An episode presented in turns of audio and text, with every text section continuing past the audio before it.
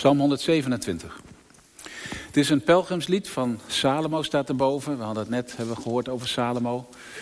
Die, uh, een koning die rijk was, wijs was.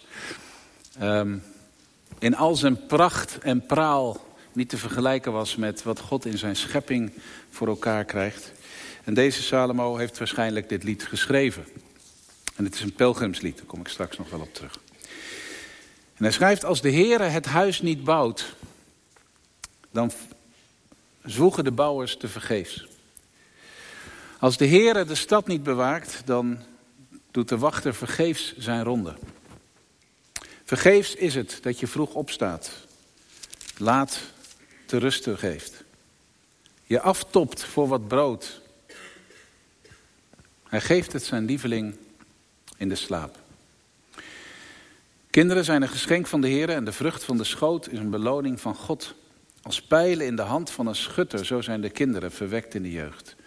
En gelukkig de mens die de koker gevuld heeft met pijlen zoals zij. Hij staat niet te schande als hij zijn vijanden aanklaagt in de poort. Psalm 127. Het gaat me met name over dat laatste stukje. Hij geeft het zijn lieveling. Geeft het degene die hij lief heeft, zijn beminden in de slaap. En er staat letterlijk, en, als je wel eens andere vertalingen leest in het Engels, dan zie je dat ook. Er staat letterlijk, hij geeft, het zijn, hij geeft zijn beminden slaap. Nog net even anders dan hij geeft het in de slaap. En dat gaat niet over slaapproblemen. Uh, ik, zal jullie niet vragen of je lekker goed slaapt, normaal gesproken. Ik geloof dat meer dan de helft van de Nederlanders, iets van, van 60%, niet tevreden is over de slaap, over de kwaliteit van de slaap. En dingen die ons uit de slaap houden. En daar gaat het ook over, daar heeft het ook consequenties voor. Maar het gaat hier over iets anders. En dat wil ik met jullie graag op het spoor komen. Hij geeft zijn beminden slaap. En het is al even geleden dat mijn oma overleed. Ik weet niet precies meer hoe lang. En ze was al oud. En ze was al wat aan het dementeren, behoorlijk aan het dementeren eigenlijk. En ze overleed in haar slaap. Ze ging s'avonds slapen. En s'morgens werd ze niet meer wakker. En ik weet nog dat mijn oom toen tegen ons zei precies dit. Hij geeft het zijn beminden in de slaap. Geen zorgen, geen spanningen rondom overlijden. Zomaar overgegaan naar het nieuwe leven. En toch als je deze week weer denkt aan wat er vorig jaar gebeurde in Oekraïne. Begin van de oorlog met Rusland. Midden in de nacht. Dan vraag je je af, hoe zit dat dan?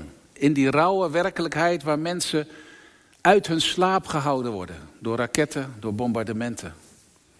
Door kinderen die niet meer thuiskomen. En dan denk ik even aan Turkije en Syrië. Weer een aardbeving deze week. Midden in de nacht. In één keer is het voorbij. Hij geeft het zijn beminden in de slaap. Hij geeft zijn beminden, zijn geliefden slaap. Dat lijkt zo positief, maar de werkelijkheid is zoveel rauwer. En dan heb ik het nog niet eens over ons eigen leven.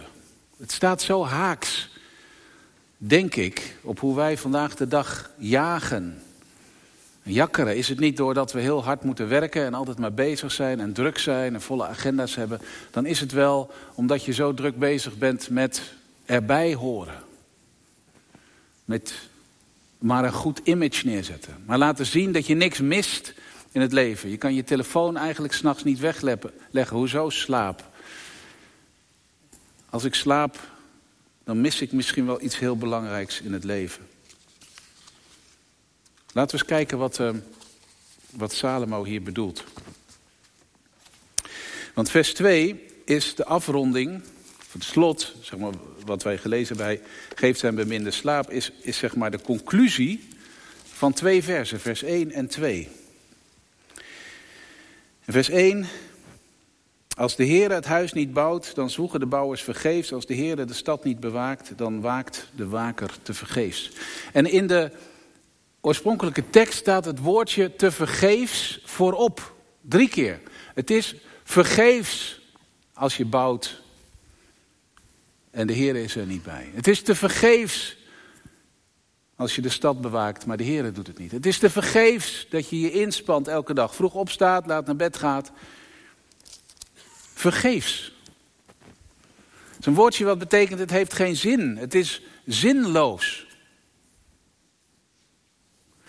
Want, laten we nou wel wezen, als alles van jou afhangt, dat is eigenlijk de kern waar het hier om draait in dit, in dit gedeelte. Als nu alles van jou afhangt in het leven, dan is er nooit een moment rust. Denk maar aan het bouwen van een stad. En, en het gaat hier natuurlijk over, over je leven. Het zijn de twee kanten van het leven. Het bouwen van je leven, je, een stad, een huis, het hele leven wat zich binnen die stadsmuren toen afspeelde. En het bewaren daarvan. Zorgen dat je het niet kwijtraakt. Studeren, gaan werken en zorgen dat je dat niet weer kwijtraakt. Leven opbouwen. Maar als je nou, als het van jou afhangt en je, en je bent aan het bouwen, dan ben je voortdurend bezig om je deadlines te halen. Dan kun je het je niet veroorloven om ook maar een moment te rusten. Want als je je deadlines mist, dan kost je een hoop geld. Je moet alles geven om je project te laten slagen. Je kan geen fouten maken. Als je niet bouwt volgens de voorschriften, dan krijg je rampen. Zoals in Turkije. En als het gaat over het bewaken van de stad, zorgen dat je leven niet instort, kun je eigenlijk geen moment ja, slapen. Je zal op de, op de muur van de stad staan om, te, om, om in de gaten te houden of er geen vijanden komen. En net één moment dat je even in slaap valt, is het moment dat de vijand toeslaat. Je kunt het je niet veroorloven om ook maar een moment je leven los te laten. Want je weet nooit wat er kan gebeuren.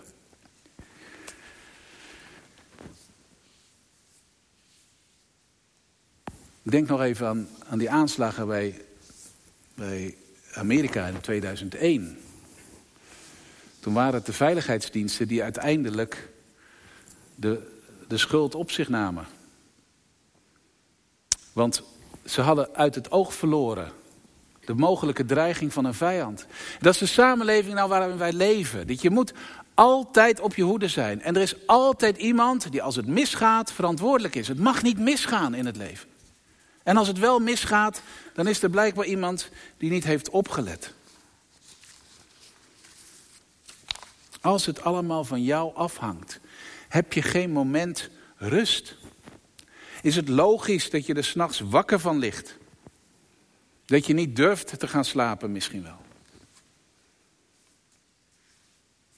Dan kan je beter maar een uurtje eerder opstaan, uurtje langer doorgaan om te zorgen dat het werk afkomt, dat het goed is, dat je er toch beter op staat.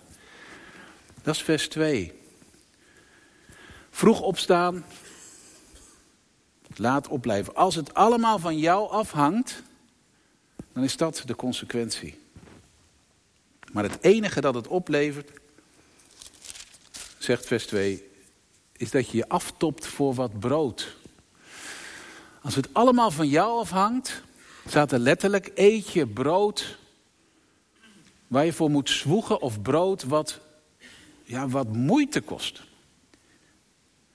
En dat klinkt nog een beetje neutraal, maar als je wat dieper kijkt, wat het betekent, betekent het eigenlijk dat is brood wat volkomen zinloos is. Wat, wat je dit leven oplevert, en dan kan je zeggen brood, maar het kan ook zeggen dat je je salade, je hele leven, wat het je oplevert als het van jou afhangt, is uiteindelijk zinloos. Leeg. En het woord wat hier gebruikt wordt, is het woord wat ook gebruikt wordt al in Genesis, na de val. Dat het leven zwaar is geworden. Dat je, dat je moet zwoegen om een beetje brood te verdienen. Dat het je bloed, zweet en tranen kost. En dat, dat bevallen voor, voor de vrouw een, een lijdensweg is geworden. Het leidt allemaal uiteindelijk tot niets, tot de dood.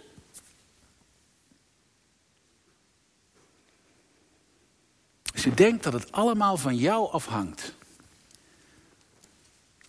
dan is het volgens de Bijbel uiteindelijk helemaal niets. Zonder God is het uiteindelijk zinloos. Want stel nou, je komt aan het eind van je leven. En je kijkt terug. Ja, ik heb een prachtig bedrijf opgebouwd. Oké, en dat is het dan. Als je terugkijkt op je leven, ben je dan de hele, hele tijd bezig geweest met de dingen die voor ogen zijn. De dingen die, ja, die, die in je handen hebt. Misschien hard gestudeerd, hard gewerkt. Te weinig thuis geweest. En wat dan? Het eind van je leven is het over. En wat hou je dan over? Of in dit leven, je bent bezig met je werk en het, en het, en het gaat allemaal goed. En als het alleen maar van jou afhangt, zonder God, wat, wat blijft er dan over als er een crisis komt hier? En dan hoeft het niet eens zo te zijn als in Turkije of Syrië, als alles instort. Dat is de extreme. Maar gewoon in je eigen leven, als er een crisis komt. Wat hou je dan over? We hebben de tijd gehad van corona. Wat hou je dan over? Of als je eigen leven ineens stil komt te staan. En er gebeurt iets in je leven wat, wat haak staat op wat, je in gedachten had. Het gaat stuk. Wat is dan nog de zin van je bestaan? Waarin ligt de betekenis van je leven? Wie ben je dan nog? Als je zo leeft, dan kan ik me voorstellen dat het je uit de slaap houdt. Dat je niet alleen jezelf geen slaap gunt, maar dat je er ook wakker van ligt. in die context zegt de psalm nou, als God in je leven is, als Hij het centrum van je bestaan is, dan wordt alles anders. Dan is je leven niet meer te vergeefs. In die context, zegt de psalm, geeft God slaap. En dat is het beeld van, van alles wat God je kan geven, te midden van wat er in het leven gebeurt. Slaap. Slaap is het teken van de ultieme rust, van de ultieme vrede, van de ultieme overgave. Als God het centrum van je leven is, zegt deze psalm, is er slaap en dat betekent er kan je eigenlijk niets gebeuren. Je kan alleen maar slapen als je veilig bent. Het is, het is zo dat, dat je leven eigenlijk niet meer stuk kan gaan als God in je leven is. Paulus zegt zelf, als Christus het centrum van je leven is, dan is zelfs het sterven winst. Als je leven Christus is, is sterven winst. Het is geen garantie dat, dat je leven eh, soepeltjes verloopt en dat er nooit wat gebeurt. Maar het is wel de garantie dat je leven betekenis heeft. En dat als je straks aan het eind van je leven staat, dat je dat je je leven kunt overgeven aan het nieuwe leven, aan God zelf. En dat het leven doorgaat. Het leven Christus, het sterven is zelfs winst. Want als Christus je leven is, dan is er niets meer in het leven dat dat, dat kan wegnemen. De zonde niet, gebrokenheid niet, de dood niet. Waarom niet? Omdat Jezus in onze zinloosheid is gaan staan. Dit is de eerste lijdenszondag. Vincenza zei het net al, komende zes, zeven weken staan we stil bij het lijden van de Heer Jezus voor ons. Dat Hij gekomen is om midden in onze zinloosheid te gaan staan. Sterker nog, om daaraan ten onder te gaan. De zinloosheid omdat ons leven zonder God geen betekenis heeft. Omdat we uit onszelf denken, we redden het wel zonder God en tot de conclusie moeten komen uiteindelijk een keer dat dat geen zin heeft, dat het zinloos is. Dat is wat Salomo ons vandaag wil leren. En, en daarvoor is Jezus aan het kruis gegaan, gestorven. Om die relatie met God weer te herstellen, om ons weer met God te verzoenen. Zodat ons leven weer zin heeft, zodat ons leven betekenis heeft, zodat we weer iemand worden. En als dat zo is, dan ga je dus ook anders werken. Net wel, Salomo zegt niet dat we niet meer hoeven te werken. En dat is niet alleen als je je tentamen niet hebt geleerd. Dan ook, dan heeft het niet veel zin om te gaan slapen. Dan moet je gewoon blokken laatste nacht. Maar dat is niet wat Salomo hier bedoelt. Salomo zegt hier, natuurlijk moet je werken. Als de bouwers het huis niet bouwen, is het ook te vergeefs. God werkt maar wij worden ook geroepen om te werken, om te bouwen, om te bewaken. Dat is de roeping die God ons geeft. Maar je gaat anders werken. Niet alsof het van jou, van ons afhangt. Niet alsof Alsof wij de garantie zijn voor onze veiligheid. Maar we gaan werken vanuit het besef dat alles is volbracht. En dat het leven niet meer stuk kan. En dan worden we geroepen om te doen wat onze hand vindt om te doen. En om te stoppen als we kunnen gaan slapen. En zo kom je tot je doel als het werk is waarmee we ten diepste werken om God te eren. We zijn gemaakt, in het begin beschrijft de Bijbel dat gemaakt om God te dienen. We zijn gemaakt niet om een slaaf te zijn van ons werk, maar het leven van de eerste mens begint op de rustdag. Nadat hij op de zesde dag geschapen is, is de eerste dag een rustdag. Omdat we gemaakt zijn om God te dienen met ons werk. En niet om ons werk, ons leven te dienen. En dan, dan gaan we met de dingen die onze hand vindt om te doen, leven niet voor onszelf, maar tot eer van God. Waarom doe je de dingen die je doet elke dag? Voor jezelf? Nee, het gaat erom dat je ze doet tot eer van God, omdat Hij het centrum van je leven is. Dan draait het niet meer om jezelf. Dan is de vraag, hoe kan ik God dienen met wat ik aan gaaf en talent heb gekregen? En hoe kan ik de ander tot zegen zijn? Hoe kan ik bezig zijn om niet alleen maar mijn eigen toko te beschermen, maar om het leven te bewaken van mezelf, maar vooral ook van anderen? En dan hoef je zelf de last niet meer te dragen, want dat heeft hij gedaan. En dan kun je dus stoppen op het moment dat het tijd is om te stoppen. En dat is het ritme van de kloosters. Het kloosterleven. De geschiedenis door hebben we altijd kloosters gehad waar mensen samenkwamen om God te dienen.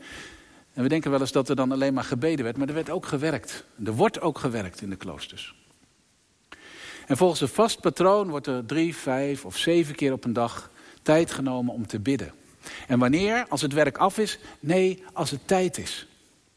Stoppen met werken is er op het moment dat het tijd is om te bidden. Tijd is om te eten, tijd is om te rusten. En niet als het werk af is. Dat is het ritme wat God geeft. Zo is het beschreven in de regels van de kloosters. Wij leven volgens het ritme van Gods bedoelingen. En wij rusten omdat God het zo heeft bedoeld. Niet omdat we het werk af hebben. Daarom is het zo mooi, tot slot, dat dit een psalm is die genoemd wordt een pelgrimslied. Een aantal psalmen in dit gedeelte die, zijn, die worden genoemd pelgrimsliederen. Dat zijn de liederen die gezongen werden door Israël als ze opging naar de tempel. Als het volk voor de feesten, paasfeest, andere feesten, naar de tempel ging, of persoonlijk naar de tempel ging, waren dit de liederen die ze zongen. En dat is nou precies waar het hier om gaat. Want als je opgaat naar de tempel, dat was in die tijd de plek waar God woonde. Dat betekende dat je opging om in de nabijheid van God te zijn. En wat gebeurt er als je in de tegenwoordigheid van God bent, als je bij God bent? Dan ga je het leven in een ander licht zien. Dan wordt je blik verschoven van je eigen leven, je eigen struggles, je eigen zorgen naar God. En als Hij in het centrum van je leven staat, als je in Zijn tegenwoordigheid bent, ga je het leven in een ander licht zien. Zijn er andere dingen die belangrijk worden? Hoef je je niet zo druk te maken over waarmee je je kleedt, of waarmee je voedt, of waarmee je, uh, wat voor drinken je hebt. Want dan weet je, dat zijn de dingen waar God voor zorgt. Wij hebben een hemelse vader die weet wat wij nodig hebben, nog voordat wij hem bidden. En dit lied laat zien dat als wij leven in de nabijheid van God, dat de dingen in een ander licht komen te staan. En dat alles waar je misschien nu je hart op zet, wat je schat, schat is, misschien wel veel minder belangrijk is dan wat God je wil geven. En daarom is deze psalm ook een uitnodiging om zo te leren leven. Om je leven om te keren en te zeggen, ja, hij moet het centrum van mijn bestaan zijn. En als hij het centrum van mijn bestaan is, dan kan ik rustig slapen. Zo mooi als psalm 4 dat zegt. Ik weet niet of er nog mensen zijn die de oude berijming kennen. Vast. Ik lag en sliep gerust, van s Heren trouw bewust. Dat is waar het om gaat. Deze psalm. Hij het centrum. En wij vinden niet alleen slaap voor één nacht, maar de diepste rust en vrede voor heel ons leven. Zullen we maar stil worden en samen bidden.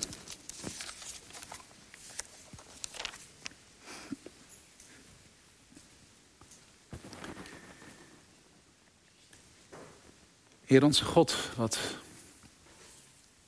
bijzonder dat, dat u zo ons leven wilt vullen met uw vrede en uw rust. En als we kijken naar onze wereld, ons eigen leven, dan beleiden we u dat er heel veel onrust is.